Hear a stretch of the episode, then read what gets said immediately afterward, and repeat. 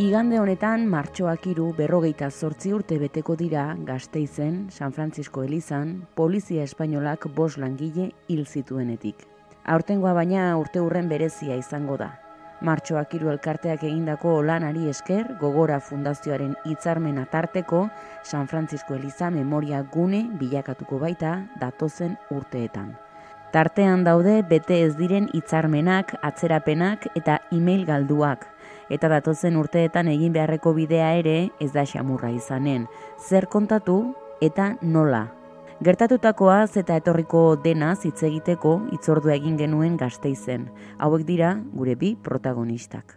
E, Xabier Izaga, gazteizdarra, eta gara egunkarian egiten du lan, eta bueno, ba, nahi bauzue kontako izuete pixka bat nola bizi izan ituen e, martxuan iruko, zera, gertaeren inguruko, zeak, ez, e, bueno, gertaerak, hain zuzen, ez, ba, ama bosturten ituen, eta ikasle nintzen, eta garai hartan, ba, egun askotan bezala, ba, guk greba genuen, ez, ikastetxean, ni nengoen hemen lanbide ziketako ikastetxe batean, hemen Jesus Langile, izenekoa. Ni Nerea Martinez Aramburuza dela naiz, martxoak hiru elkarteko kidea naiz. Ba, ni naiz e, eraildako boste langile egon ziren, eta ni naiz e, boste langile hoietako baten e, iloba. Bi gazteiztar belaunaldi ezberdinekoak, Xabierrek lehen pertsonan bizitu zituen martxoaren iruko gertakizunak, eta nereak etxean jaso du gertatutakoa. Ba, e, nik uste dut naturaltasun oso eman dela gure familian, ze ni txiki txikitatik joan izan naiz manifestaziotara, eta niri esan diate txiki txikitatik ba hori. E, eraildako e, langietakoa nire osaba zela, nire aitaren e, eta nire osabaren e, anaia zela, eta eta bueno, e, pixkanaka, pixkanaka, bai e, kontatzen dizute, ez, adin bakoitzera egokituta, pues, usaren agai, ez, e, ulertzeko. Eta nik, ja, nera bezaroan, ja, e, gaitasun gehiago neukanean, ulertzeko benetan e, zelako testu ingurua zegoen e, martxoak iruan, zeren alde ari ziren borrokalari, oza, langiloieko borrokatzen, ba, hori hasi nintzen prizkanaka, pizkanaka elkartean sortz, sartzen, Poliziak milaka lagunen kontra kargatu zuenean, Xabierrek ama bortzurte zituen, eta etzegoen San Francisco Elizan, baina ongi gogoratzen du egun hasiak izan zirela. Aurreko egunetan fabriketan eta ikastetxeetan grebak egin zirela, eta poliziak goiz hartan ere kargatu zuela. Gogoan dut goiza izan zela oso muitua, ez, hemen egiten zen, bueno, hainbat egunetan bezala, Bagoitzan gogoan dut e, zera, ba, kale batean igual, ba, elkartzen zen ba, talde bat edo jende multzo bat, eta bueno, egiten zen olako, ba, ez dakin manifestazio espontaneoa edo, ez, eta, bueno, ba, polizia gertu arte, orduan ba, hasieran aurre egiten zitzaien, harrika eta holan, ez, gero korrika, eta bueno, gero igual beste handik e, beste, beste kalean handik egertu, ba, beste multzo bat e, osatzen zen, eta bueno, gazteizko hain, hainbat e, lekutan, ez, orduan, nik hori e, gogoan dut hori, ba, goiz osoa emanuela, batetik bestera, ez, korrika, saltoka, ez, eta, eta hori, eta izan zela, bueno, egurra latz, eta tiruak ere goizian izan ziren.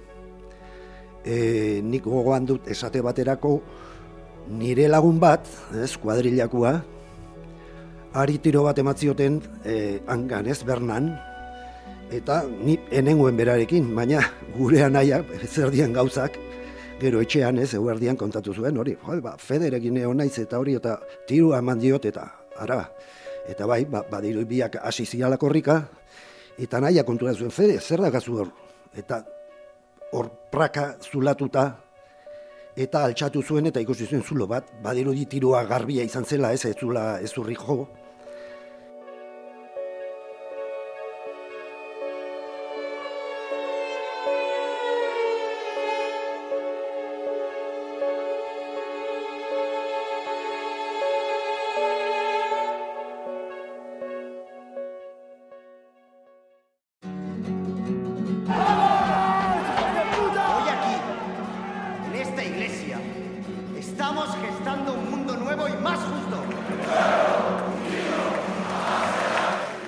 Greban zeuden langileek eskatzen zuten lan baldintzak hobetzea.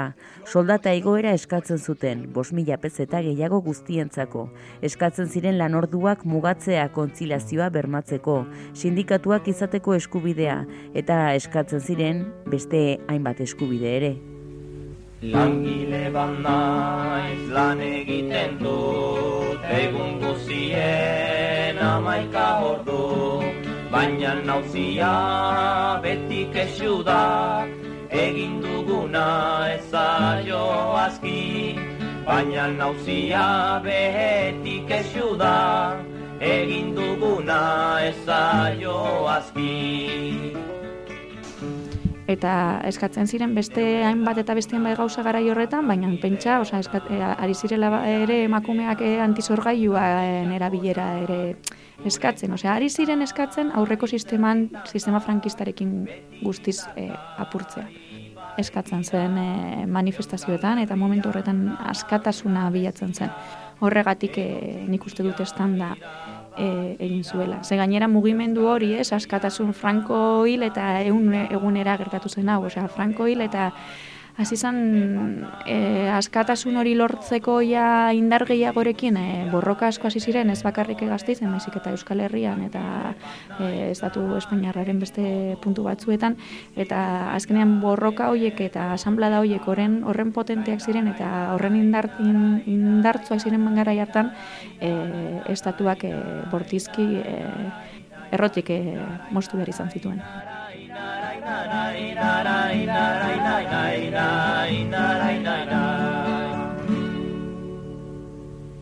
Eta bueno, ni arratsalde hartan nintzen egon ni hor San Francisco hor Zaramagan, ez, eh, Elizan, baina jende asko egon zen jakina, ez, hor barruan, ditota eta hori hor barrutik hasi ziren e, kristalak e, hor ba, e, badaude leio batzuko lanboro bilak, ez, eta hor kristal horiek apurtu zitutzen, ba, aizea sartzeko, ez, airea sartzeko, eta, bueno, eta batzuko hortik hasi ziren ateratzen.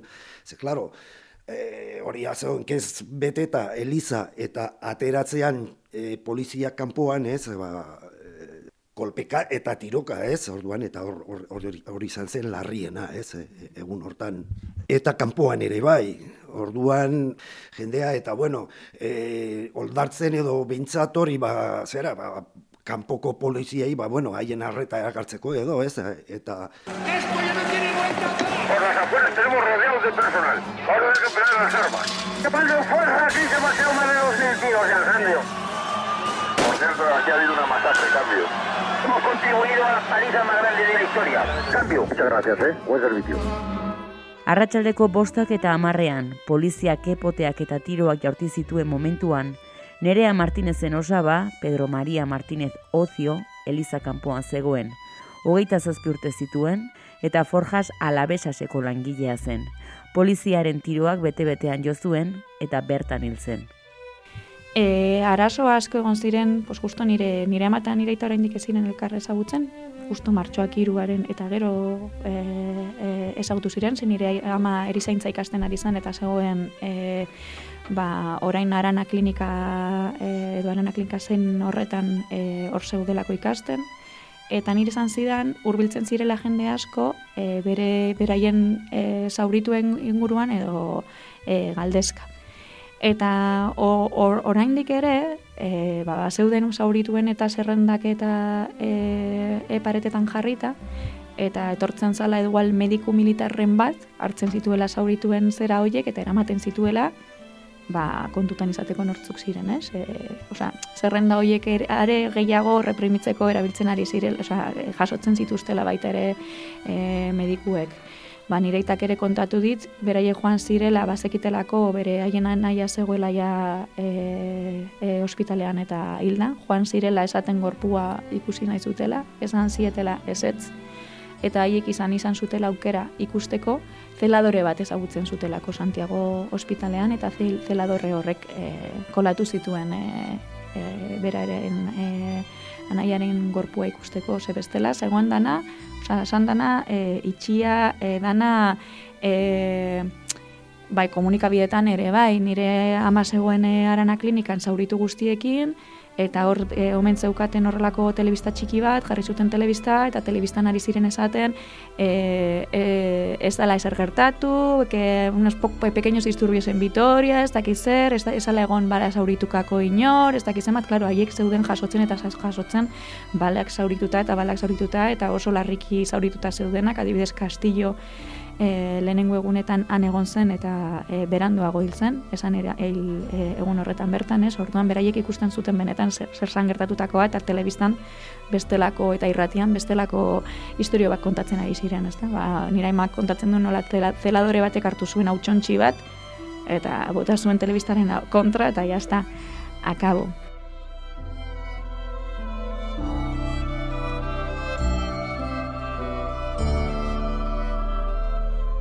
Baina egun hortan etzen ezer bukatu, baizik eta hasi. Biktimen familia lagun eta lankideak hasi baitziren elkartzen gertatutakoa ezedin ahazturan geratu.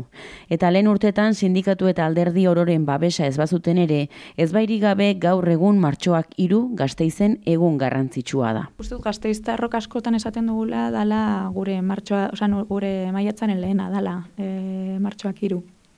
Ez, azkenean langilearen bogorroken ikur dira langile hoiek, eta martxoak hiru da egun bat gogora ekartzeko borroka hoiek, baina baita ere borroka, borrokatzen jarraitzeko gaur egun e, oraindik falta zaizkigun eskubide askoak aldarrikatzen e, jarraitzeko eta guk esaten dugu askotan ba guretzat omenaldirik onena, ez? E, eman egin di esaiek egun e, omenaldirik onena eraildako langile hoiei dala euren borrokarekin e, jarraitzea. Eta guk hori sebera e, egiten dugu. Izan ere, orain, osea, gaur egun eta duela urte asko ja e, manifestazioa, martxoak manifestazioa deitzen dutenak dira e, sindikatuak haiek.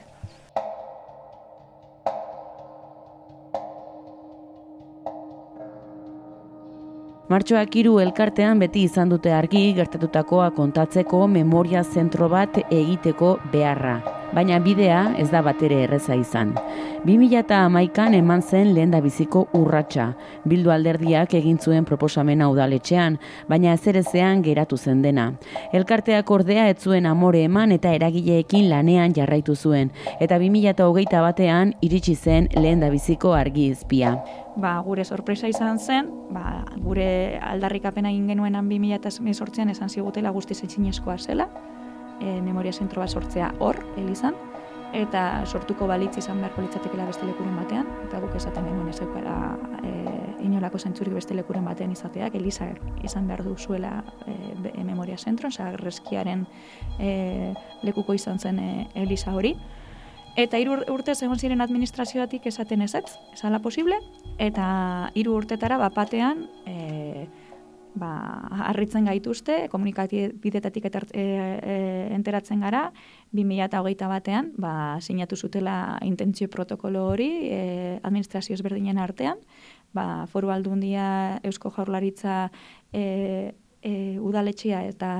eta apespikutza, laurak elkartu ziren, eta esan zuten baietz, ingo zutela memoria zentroa. Ostras, pues bueno, vale, pues soriontzekoa, baina, a ber, nolakoa, orain datorez, beste, beste pantalla bat, a ber, ba, nolakoa, eta ja, gaizki hasten gara, ze gu kontutan izan gabe, hasi ziren, jokatzen partida, ez? Baina nola, horixe izan da gakoa, eta horixe ere izan da negoziazio prozesua blokeatuta mantendu duen galdera. Martxoak hiru elkartearen beldur handien abaitzen, elkartearen iritzia kontuan ezartzea memoria gunea osortzerakoan. Horregatik instituzioekin hitzarmen bat sinatzea lortu zuen bermatzeko elkarlan prozesu baten bidez eramango zela proiektua aurrera. Baina zer diren gauzak fundazioaren aurkezpen egunean ere elkartea gonbidatzea ahantzi zitzaion norbaiti. Horregatik Nerea Martinezek atxeka bezdio beti presionatuz lortu dituztela hien helburuak hori bai baikorra da. Ba, nik uste dut jarrera aldaketa bat egon dela edo behintzat nik uste dut baietz, eta nik espero dut baietz. Beste fase bat, beste fase batean sartze sartuko garela, fase horretan erkarran egongo dela, edo horrela ikusten dut nik hori aukera, beste, oza, aukera bakarra bezala. Baina egia da, gure pazientzia ja, oza, aie izan behar diogula, gure pazientzia ja mugatua dela. Ja, pazientzia asko gastatu dugula bidetik. uste dute soriontzeko momentu bat dela, baina batez ere soriontu, soriondu behar da e, gazteizko herriak, eta berrogeita mar, ia berrogeita mar urte luzez e, borrokan egon den herri hori, martxoak hiru elkarteko kideak, hasieratik egon zirenak. Baina buelta gaitezen berriro memoria gunearen bihotzera. Nolakoa behar du izan? Urteak dara matza hori pentsatzen martxoak hiru elkartetik sortutako memoria gara elkarteak. Eta dinamika ezberdinak egin dituzte adituekin, izan arkitektu, idazle edo teknikari. Herritarren ekarpenak ere bildu dituzte, eta dena jasota dokumentazio dena administrazioari erarazi zaio. Akaso, ekarpen horien artean, egongo da Xavier Rizagarena. Eta hor ere, igual, eh, aipatu beharko ditzake patronalaren papera, ematen du hori, e, claro, patronalak ez zuela zer ikusirik izan. Langatazka bate, e, batean, zer da, alde batetik langileak, eta bestetik nagusia, ez? Eta, bueno, euren jarrera zein izan zen, ba, sekula amor ez ematekoa, Eta hori zen jarrera, zergatik ba, oso errez, bazekitelako poliziaren babesa e, zutela. Eta poliziaren erantzule e, isti, e, zera politikoen babesa zutela, ez? Gobernuaren babesa, eta hori ez. Orduan, nabarmendu beharko litzake ez, e, hori ba, patronalen jarrera, hain zuzen. Eta memoria gara eta martxoak hiru elkarteak. Zer nolako memoria gunean nahi dute sortu? Nolakoa beharko lukeen? bizia behar da. Oraingo lehengo borrokak, oraingo borrokekin ez bakarrik langile borrokak baizik eta izan daitezke e, e, migrazioak e, kontutan izaten dituztenak, feminismoa, e, beste e, giza eskubiden e, beste urrak eta batzuk.